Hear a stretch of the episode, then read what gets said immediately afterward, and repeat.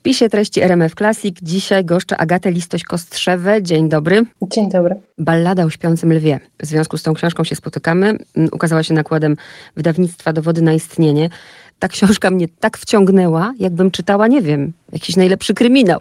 Ja nie spodziewałam się, że w tak, no nazwę to takim wąskim temacie, mnie tak to wszystko będzie wciągać, więc dziękuję. Wow, dziękuję bardzo za te miłe słowa. A propos porównania do kryminału, ja miałam też takie poczucie, jak e, przechodziłam przez historię eksploatacji pod miastem, to miałam też takie poczucie, że właśnie, że czytam jakiś dobry kryminał. Mimo, że to były jakieś techniczne ekspertyzy, wykresy, no nic fascynującego, to mimo wszystko jakby stworzyło się taką historię e, mocno wciągającą. Także to już się udało. W zamyśle miałam e, zapytać o Nikę i o książkę Kajś, bo byłam przekonana, naprawdę byłam przekonana, że pani, pani Agato jest z Bytomia. Nie wiem, dlaczego sobie tak to wmówiłam. I później, kiedy dowiedziałam się, że tak naprawdę pani z Bytomiem nie ma nic wspólnego, to mówiąc kolokwialnie, szczęka mi opadła i się zastanawiam, co stało za tym, żeby tak mocno wejść w miasto, którego się no, nawet nie zna? Nie wiem, co stało za tym. Znaczy, tak naprawdę zaczęło się od zlecenia z wydawnictwa i ja przez y, dłuższy czas przyglądałam się temu tematowi i zaczęłam się już interesować historią tego miasta. Natomiast przyszedł taki moment, że ja zauważyłam, że już mnie totalnie pochłonęła ta historia i, i to miejsce i ta historia ułożyła mi się w całość, połączyły mi się różne wątki. Natomiast co na to wpłynęło, ciężko mi powiedzieć. Do dzisiaj nie wiem, dlaczego aż tak bardzo to, miejsce i to miasto i te historie tak bardzo mnie mną poruszyło. Ale to też jest ciekawe, jak wydawnictwo, no jest zlecenie, ja rozumiem, ale nie wszystko się przyjmuje. Był taki moment, że jak pani na przykład zobaczyła to zlecenie, to Bytom? Nie wiem, nie wiem o co chodzi. Czy był taki moment wahania, czy od razu w bytom tak, biorę? Nie, nie, nie, oczywiście, że był e, moment wahania i to bardzo długi moment wahania był na samym początku. Bardzo tutaj skrupulatna robota, ja tu słuchaczom powiem, bo na to zawsze zwracam uwagę. Tak bardzo na to zwracam uwagę, zanim przejdziemy do książki, że drodzy słuchacze, ja nawet nie liczyłam, ale załóżmy, że jesteśmy na stronie 393 i aż do strony 449 mamy przypisy, mamy źródła, a domyślam się, że nie wymieniła Pani książki, jeśli jej pani nie zgłębiła. Więc to jest ogrom literatury. Tak, znaczy ja miałam też takie poczucie, że może to wynikało z tego, że nie jestem stamtąd, ani nie jestem ze Śląska, że muszę przeczytać wszystko i dowiedzieć się wszystkiego, żeby jakoś y, mieć prawo do opowiadania o Śląsku i próbowałam też y, zrozumieć tą zawiłość tej historii, bo ona nie jest taka jednoznaczna, ona jest wielowarstwowa, wielowątkowa i wielokrotnie zdarzało się, że trafiałam jakby w ślepą uliczkę i zastanawiałam się, dlaczego i wracałam znowu do książek i znowu czytałam i znowu odkrywałam na nowo tą historię. I zanim ona się złożyła, to faktycznie przejrzałam chyba wszystko, co powstało na temat samego miasta, sporo książek dotyczących e, historii ogólnie Śląska, prasy lokalnej, również prasy historycznej. To też była również praca w archiwach i zarówno w Archiwum Państwowym w Katowicach, w Archiwum Państwowym w Warszawie, w Archiwum Aktynowych w Warszawie, w Archiwum Milanówku, więc tych miejsc odwiedziłam sporo, żeby znaleźć te wszystkie wątki, które chciałam odszukać. A oprócz tego zwykli ludzie z Bytomia. Tak. Łatwo było ich namówić na rozmowę, czy nie? Oj, y, tak i nie. To znaczy były osoby, które bardzo chętnie opowiadały o mieście, a były takie osoby, które trzeba było wielokrotnie namawiać. I zdarzało mi się też trafiać do bohaterów różnymi dziwnymi łańcuszkami poleceń. Jak na przykład, nie wiem, do pana Piotra dotarłam, y, który jest y, ważnym bohaterem czwartej części tej książki. Dotarłam tak naprawdę z czwartego czy piątego polecenia dopiero go odnalazłam. To było też fenomenalne, że właśnie każdy z y, moich rozmówców polecał mi dwie kolejne bądź trzy kolejne osoby, więc to też mi się tak bardzo rozprzestrzeniało, ta ilość rozmówców. Nie, nie do wszystkich udało mi się dotrzeć, ale dzięki temu też miałam duży wybór, jeżeli chodzi o, o bohaterów z, z Bytomia. Woli Pani tę pracę właśnie z człowiekiem, czy, czy jednak z książką, papierami, archiwum? Ja myślę, że taką i taką. I to też było fajne, że ja miałam taki rytm, że jeden dzień w tygodniu jestem w Bytomiu i zawsze jak byłam, to zaczepiałam ludzi na ulicach. Przy jakichś różnych dziwnych okazjach, już nawet jak jechałam do umówionych osób, to zazwyczaj pytałam o to miasto, o to jak się tu mieszka, zadawałam takie ogólno otwierające pytania, ale potem wracałam do domu, do biblioteki, do archiwum i, i też sobie doceniałam tą pracę w ciszy i takim spokoju. A teraz trudne pytanie, ale, ale bardzo ciekawe z mojej perspektywy. Załóżmy, że pani, no nie wiem, zaczepia jakąś osobę i mówi, jak jak się tu mieszka, no różni są, prawda, ludzie i zaraz by było, a co to panią interesuje? I załóżmy, Agata Listoś-Kostrzewa pisze książkę o Bytomiu. Spotkała się pani z zarzutem już teraz, nawet po wydaniu, czy, czy wcześniej, że jak to, no, nie z Bytomia, o Bytomiu książkę pisze? Czy się spotkałam, to jest w zasadzie za, za każdym razem się z tym spotykałam. To nie było tak, że zdarzyło mi się spotkać z takim zarzutem. Teraz dopiero dostaję takie sygnały, że książka się podoba, że jest e, ciekawa, wciągająca. Mieszkańcy piszą, że jest dla nich ważna, gdzieś fotografują się w przestrzeni miasta z tą książką. To jest dla mnie bardzo nie, to jest niesamowite. Albo piszą, że zerwali noc, bo chcieli doczytać. Ostatnio jeden z czytelników do mnie napisał, że książka jest trudna jak bytom. To jest bardzo, bardzo piękne podsumowanie i tego bardzo. miasta, i tego, co udało mi się stworzyć. Nie mówię tego naprawdę, to nie jest kokieteria, ale absolutnie się tu zwracam, jeśli mnie słyszy prezydent Bytomia. Pani Agata Listoś-Kostrzewa powinna zostać honorową obywatelką. Bo to, co zrobiła pani dla Bytomia, bo oprócz tego, że to jest książka o mieście stali i węgla, o historii Bytomia, ale też tak naprawdę z tego wszystkiego wypływa taka, taka troska o to miasto. Ja się nigdy w tym Bytomiu nie zatrzymałam, nigdy nie chodziłam po tym Bytomiu, nie oglądam, ale mijałam, wiele razy go mijałam. I dopiero dzięki tej książce zadałam sobie właśnie wiele pytań i też taką ogromną empatię poczułam do tego miasta, bo tak jak pani mówi, ono jest bardzo, bardzo trudne. Ja miałam taką perspektywę patrzenia na to miasto właśnie oczami mieszkańców. Bardzo mi zależało na uchwyceniu tego, jak y, im tam jest, jak oni się tam czują, jak im się tam żyje. I też na, y, pokazując tą historię, która tam się wydarzyła, starałam się, żeby to była, chciałam skrócić ten dystans między tą wielką historią, która dzieje się gdzieś w zaciszu gabinetów przywódców wielkich mocarstw i jaki to wpływ ma na życie mieszkańców. Jakby próbowałam skrócić tą, ten dystans między życiem zwykłego mieszkańca i pokazać, jak to się przekłada na jego życie. Teraz słowo o kompozycji. Mamy cztery części. Rewelacyjny zabieg Takiego spisu treści dawno nie widziałam. Jaki pani miała na to pomysł? Bo z jednej strony nie widać jakiegoś planu takiego, że wszystko jest poukładane, bo skaczemy, prawda? Jesteśmy w 1800, 1300, 2019, a z drugiej to wszystko staje się jasne i się łączy. Kiedy był ten pomysł na kompozycję? No niestety tego pomysłu na kompozycję w ogóle nie było. To znaczy ja nie stworzyłam planu tego, tej książki. Miałam kilka wątków, które były takimi wątkami przewodnimi, natomiast y, nie ułożyłam sobie tej książki. Znaczy ona mi się jakoś tam sama ułożyła w trakcie pisania. Zaczęły mi się układać te, te czasy, mieszać to też trochę efekt tego, że ja tę historię poznaję w teraźniejszości i wracam gdzieś do współczesnych rozmów i trochę cofam się. Nie jest to zamierzony zabieg, że ona tak wygląda. No to... Bo wygląda tak, jakby to było po prostu tak sprytnie zaplanowane i tak się wszystko łączy. Cieszę się, że udało mi się finalnie to wszystko połączyć, chociaż no, mogła być też katastrofa w związku z tym, że, że tego planu nie było. Teraz kilka, no wiadomo, że się nie dało wszystkim powiedzieć, więc kilka wątków.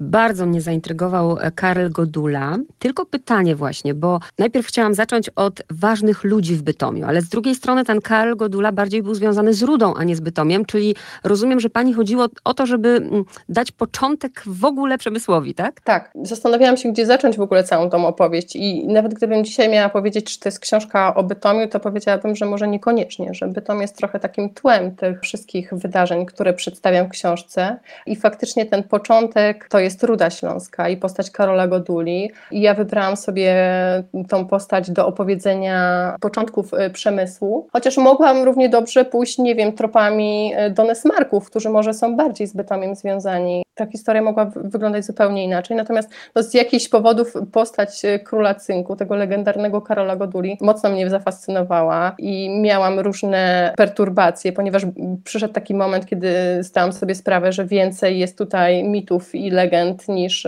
faktów, na bazie których mogłabym opowiedzieć tą postać. No ale w końcu finalnie jednak ta, ta postać pojawiła się w książce. Myślę sobie, że też dobrze, bo, bo ona wiele wnosi z takiego świata magii, legend y, do tej opowieści. To przeplatanie w ogóle jest fantastyczne, bo można zacząć się w pewnym momencie nawet bać, prawda? Jak sobie wyobrażę tych ludzi, że oni tamtędy przechodzą, że, że w związku z tym mają emocje, tu nie chcę za dużo zdradzać, ale zdradźmy, jak już powiedziałyśmy, Król Cynku, to chociaż jak pani myśli, na czym polega ten jego fenomen? Myślę, że y, polega na tym, że nie do końca można jednoznacznie określić y, przez to, że brakuje dokumentów i przez to, że nie wszystkie elementy z jego życia, jakby wszystkie wydarzenia są y, jasno opowiedziane, to dodaje takiego smaczku tej postaci, takiej tajemniczości i myślę, że to jest bardzo kuszące, bo y, też jak rozmawiałam z mieszkańcami, to nie było, wydaje mi się, że na Śląsku wszyscy wiedzą, kim był Karol Godula i to jest taka postać y, bliska każdemu i każdy trochę na swój sposób go opowiada i to też jest piękne, bo widać jakie to jest ważne, jak, jakie osobiste relacje mają z tą, z tą postacią. Co chwilę jest coś ciekawego, bo, bo tak, Godula, tutaj to mogę akurat zdradzić słuchaczom, Godula przepisuje swój majątek, wielki majątek, małej dziewczynce niespokrewnionej. Już sobie wyobrażam od razu tych siostrzeńców, których tam pani opisuje, jak po prostu wściekli. Ale ta mała dziewczynka, która dorośnie, ona ten majątek powiększy i ona też mnie zafascynowała, bo mówimy o jakich mówimy czasach i mówimy o tym, że już wtedy kobieta na Śląsku rządzi. Tak, tak, tak. Ona była wyjątkowa, jeżeli chodzi też o czasy, po których się znalazła, bo wówczas kobiety, nawet jeżeli należały do jakichś rodów arystokratycznych, to nie były to kobiety, które zarządzały na przykład zakładami, tak jak Joanna Szawgocz, więc y, faktycznie ona tutaj jest taką rewolucyjną trochę postacią na tle Śląska. Wszystkie feministki powinny o niej teraz wiedzieć i wyciągnąć ją, bo naprawdę bardzo mi się ta postać spodobała. Wymieńmy jeszcze może burmistrza, taka ważna postać dla Bytomia. Tak, jest tam taka istotna postać nadburmistrza Bryninga, który rządził miastem przez 36 e, lat. To był czas, kiedy miasto się bardzo prężnie rozwijało, przemysł się rozwijał. To, co dzisiaj jest, e, można powiedzieć, najpiękniejsze w tym mieście, te wszystkie budowle sakralne, te budynki użyteczności publicznej, ta przepiękna architektura, to wszystko powstało za, za czasów nadburmistrza Bryninga, więc to miasto się przepięknie pięknie wówczas rozrosło. To też jest niesamowite, że tyle lat rządził miastem i mieszkańcy go ukochali i wybierali go na kolejne kadencje. On w końcu sam zrezygnował, ponieważ jakby wiek go do tego zmusił, no ale rozbudował to miasto w fenomenalny sposób. Tak jakby pani wrzuciła wszystko do tej książki, co mi oczywiście nie przeszkadza, to nie jest zarzutem, ale nawet pomyślałam, że za dużo, żebym, nie wiem, z tego trzy książki mogła zrobić, bo pewien człowiek, bytomianin, mówi pani, ale niech pani nie podaje mojego nazwiska, bo tu tak jest, że raz, roz jest tak, a roz jest tak. I myślę teraz o tym w kontekście, że przy, w czasie wojny być Polakiem w Bytomiu, no to jest tragedia po 45 być Niemcem w Bytomiu, no to jest tragedia. Rostak, Rostak, jakie to jest przerażające. I pani pisze właśnie o wywózce do łagrów. Cała ta warstwa właśnie historyczna, nie myślała pani, żeby zrobić z tego oddzielną książkę? Tak i nie, to znaczy powstała z tego jakby trochę oddzielna część, natomiast y, faktycznie tych losów nawarstwiło się tak dużo i tego materiału jest tak dużo, że, że faktycznie można by usiąść do nowej książki. Natomiast ja też miałam takie poczucie, że jeżeli nie opowiem y, tego fragmentu historii miasta, to nie dojdziemy do współczesności tego Bytomia dzisiejszego i dlatego też pojawia się też y, ten wątek wojny i ten wątek wywózek. Tutaj jakby taką główną postacią, której losy y, pokazują to, co się wydarzyło w Bytomiu w tych czasach, to jest Paul Rotter. To jest w ogóle postać, której długo szukałam, ponieważ brakowało mi takiego łącznika między czasami Joanny, a czasami powojennymi. I tutaj pojawił się Paul Rotter ze swoim albumem ze zdjęciami. To są zdjęcia z dzisiejszej perspektywy, powiedzielibyśmy już takie reporterskie, to nie są zdjęcia ustawiane gdzieś w atelier. I one też pomogły mi trochę spojrzeć na tą przestrzeń, natomiast to z, z jego perspektywy i pokazać na przykładzie jego losów to, co się wydarzało i to, jaki miało skutek. Oddzielne w ogóle tematy do rozmowy. Chcę się jeszcze skupić na tym, co jest jakby z czym kojarzymy bytom i też mamy na okładce. Z jednej strony ten węgiel był największym szczęściem dla nich, a z drugiej strony największym przekleństwem. I nawet dzisiaj myślę z tej perspektywy, że z jednej strony jest to duma narodowa, a w kontekście tego, co się dzieje, mówimy oczywiście o sprawach klimatu, znów Bytom jest na celowniku. Tak, to prawda. No, bez tego węgla prawdopodobnie to miasto y, nie rozrosłoby się tak, jak się rozrosło i nie miałoby takiego e, zaplecza. Natomiast z drugiej strony to, że zapadła decyzja w 1954 roku, żeby wejść w filar miasta, e, co miało tragiczne skutki, no doprowadziło do tego, że, że miasto do dzisiaj boryka się ze szkodami górniczymi i do dzisiaj próbuje odbudować te, e, te wszystkie zniszczenia, co nie jest proste, no bo jakby wystarczy jedno silniejsze tąpnięcie. To nie musi być nawet eksploatacja pod danym obiektem, tylko jakby te wstrząsy one roznoszą się na, na, na szerszą odległość. Tam jedna taka metafora zrobiła na mnie właśnie wrażenie, może mi Pani przypomni, że po tym Bytomiu się chodzi jak po lesie. Stemple, mhm. tak, te podpory, stemple górnicze, yy, takie przypory przy ścianach, mhm. które, które wspierają te budynki, faktycznie yy, jeszcze to widać w przestrzeni miasta. Chociaż ten cytat pochodzi sprzed iluś tam lat, to jest cytat, który jest wyciągnięty z lokalnej gazety, z życia bytomskiego. Natomiast y, no, spotyka się jeszcze takie obrazki budynków, które stoją trochę na wiarę. I to jest kolejna kwestia, a jeszcze jest, y, ich jest bardzo dużo, ja nawet ich wszystkich nie wymienię, ale też to, na co zwróciłam uwagę i co, co jakoś tak pamiętałam nawet, mianowicie przełom lat 90. już jak zaczynamy zamykać kopalnie i właśnie te wtedy, bo to były jeszcze stare pieniądze, ogromne pieniądze za odprawy. Bardzo wielu górników wtedy z nich skorzystało. Porusza Pani ogromny społeczny problem. Po pierwsze, że ci ludzie nie udźwignęli tego i nie poradzili sobie, mimo że dostali duże pieniądze. Prawda też jest taka, że oni nie byli przygotowani na, na przyjęcie takiej kwoty. Znaczy, jeżeli myśleli sobie, że to jest jakaś duża suma i ona została gdzieś roztrwoniona w kilka miesięcy. Zabrakło też takiego myślenia, żeby jakoś przygotować ludzi na tą zmianę, pokazać im jakieś drogi, sposoby rozwoju, zakładania firm. Jak słyszałam od e, osób, które wówczas pracowały w e, urzędzie pracy i opowiadały mi o sytuacjach, że nie wiem, gdzieś parku znalezione były reklamówki z odprawami górniczymi, to pytanie, no, jakie było przygotowanie tych osób, jaka była świadomość tego wszystkiego. Oczywiście próbowano górników y, przekwalifikować, były różne kursy, pomysły, no ale widać też po, po stopie bezrobocia, jaki, jaki efekt one przyniosły. Przerażające, ale też trzeba tu oddać sprawiedliwość, że to nie jest tak, drodzy słuchacze, że dostajemy tu tylko obraz właśnie ojeju, jaka to była trudna historia. Nie, nie, nie. Z drugiej strony pani właśnie też pokazuje, jak to miasto żyje i te słowa burmistrza też mam przed oczami, jak e, on pokazuje, co się w ogóle stało z tym Bytomiem w ostatnich latach, żeby ludzie zobaczyli, jak, jak w ogóle walczy o, o, o to miasto i jak dużo się tam zmieniło na dobre. Mhm. Tak, ja też starałam się pokazać te dobre strony miasta, nie tylko te złe i jest wielu bohaterów, którzy jakoś w tym mieście funkcjonują i, i próbują pokazać jego ładną stronę. I y, to nie jest też tak, że, że tam się nic już nie dzieje i miasto umiera demograficznie i gospodarczo, tylko faktycznie są podejmowane różne inicjatywy. I teraz też jest duży budżet z, ze środków unijnych na rewitalizację miasta i te zmiany widać w przestrzeni krok po kroku, sukcesywnie y, to miasto się w pewnym sensie odbudowuje. Czy zaprzyjaźniła się Pani z kimś z Bytomia? Tak, zaprzyjaźniłam się z kilkoma osobami. Faktycznie te, te, te, relacje są takie żywe, intensywne i ja też miałam takie poczucie, że Bytomianie są bardzo emocjonalni, bardzo żywiołowi e, w tych relacjach. Bardzo lubię y, Górny Śląsk, lubię tam ludzi. Ja mam takie wrażenie, E, zresztą o tym też pani pisze w tej książce, szczególnie jak e, mieliśmy po 45 roku, prawda, co się wydarzyło, że gwara, gwara, w tej chwili język, było uznawane za coś niższego, gorszego, a teraz nie, ci ludzie się nie wstydzą. Oni mówią po śląsku, imponują mi, tak jak mi zaimponował Zbigniew Rokita, prawda, podczas Galinikę, kiedy też po śląsku się zwrócił. To nie jest powód do, do wstydu, ale do dumy i też ja w nich lubię to, nie wiem, czy pani ma takie wrażenie, że oni są tacy normalni. Oni niczego i nikogo nie udają. Też miałam takie wrażenie właśnie. Bo nie w każdym mieście tak jest, nie? E, nie mam aż takiego porównania, żeby, żeby powiedzieć, nie, czy, czy w każdym, ale faktycznie jest taka otwartość wśród bytomian i to, że e, oni są gotowi poświęcić swój czas na rozmowę i opowiadać szczerze o, o tym, co, co, się, co, co im się wydarzyło. Tak, a jeszcze wracając do tej gwary śląskiej, to, to faktycznie wiele osób mówiło mi, że kiedyś byli karceni na przykład w szkole przez to, że, że używali śląskich słów, a teraz jest zupełnie inaczej.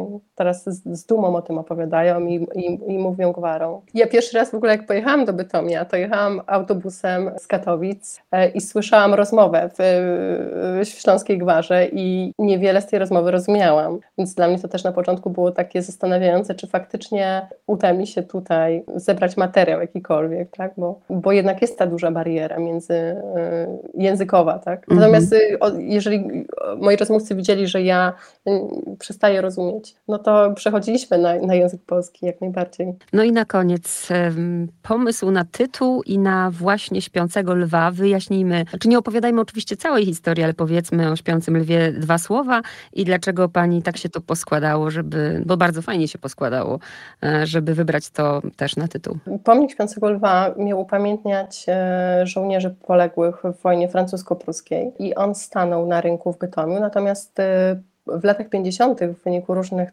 perturbacji, które zachodziły w mieście, ten pomnik zaginął i odnalazł się później przypadkiem w okolicach zoo w Warszawie. Jeden z historyków, który akurat przyjeżdżał tamtędy, zauważył tego lwa, e, zwrócił uwagę, że on jest bardzo podobny do tego, który był kiedyś w Bytomie e, i który zaginął. No i rozpoczęła się ta procedura e, odzyskania tego pomnika, która zakończyła się dla Bytomian sukcesem, bo ten lew wrócił na, na swoje dawne miejsce. Co prawda jest trochę już innym, w innym otoczeniu, już nie jest na tym postumencie, nie upamiętnia tych ofiar i trochę oderwał się też od swojego kontekstu, ponieważ no, Bytomianie ukochali sobie tego lwa i, i to jest taki symbol. Myślę, że ten tytuł można odczytywać na wielu poziomach i nie tylko jako symbol jakiejś e, sprawiedliwości dziejowej, która symbolicznie jakby się wydarzyła w, w czasie powrotu tego tego lwa do miasta, ale też na innych poziomach. Ja może nie będę zdradzać e, mhm. tutaj wszystkich możliwości odczytania. Ja sama mam przynajmniej chyba z pięć takich interpretacji, jak można tego lwa e, odczytać. I myślę sobie, że przez to, że on w książce jest taki, można powiedzieć, trochę marginalizowany, on się za bardzo nie narzuca, to też powoduje, że, że te możliwości interpretacji tego, tego tytułu są większe. Tak, nie podpowiadajmy. Ja, ja tylko jeden z, że sobie, jak myślę teraz właśnie o Bytomiu, to, to od razu skojarzycie o co chodzi, jak porównam go do wulkanu, prawda? I ten śpiący lew Aha. budzi grozę. Dziękuję bardzo za rozmowę i za zaproszenie. Dziękuję, do usłyszenia.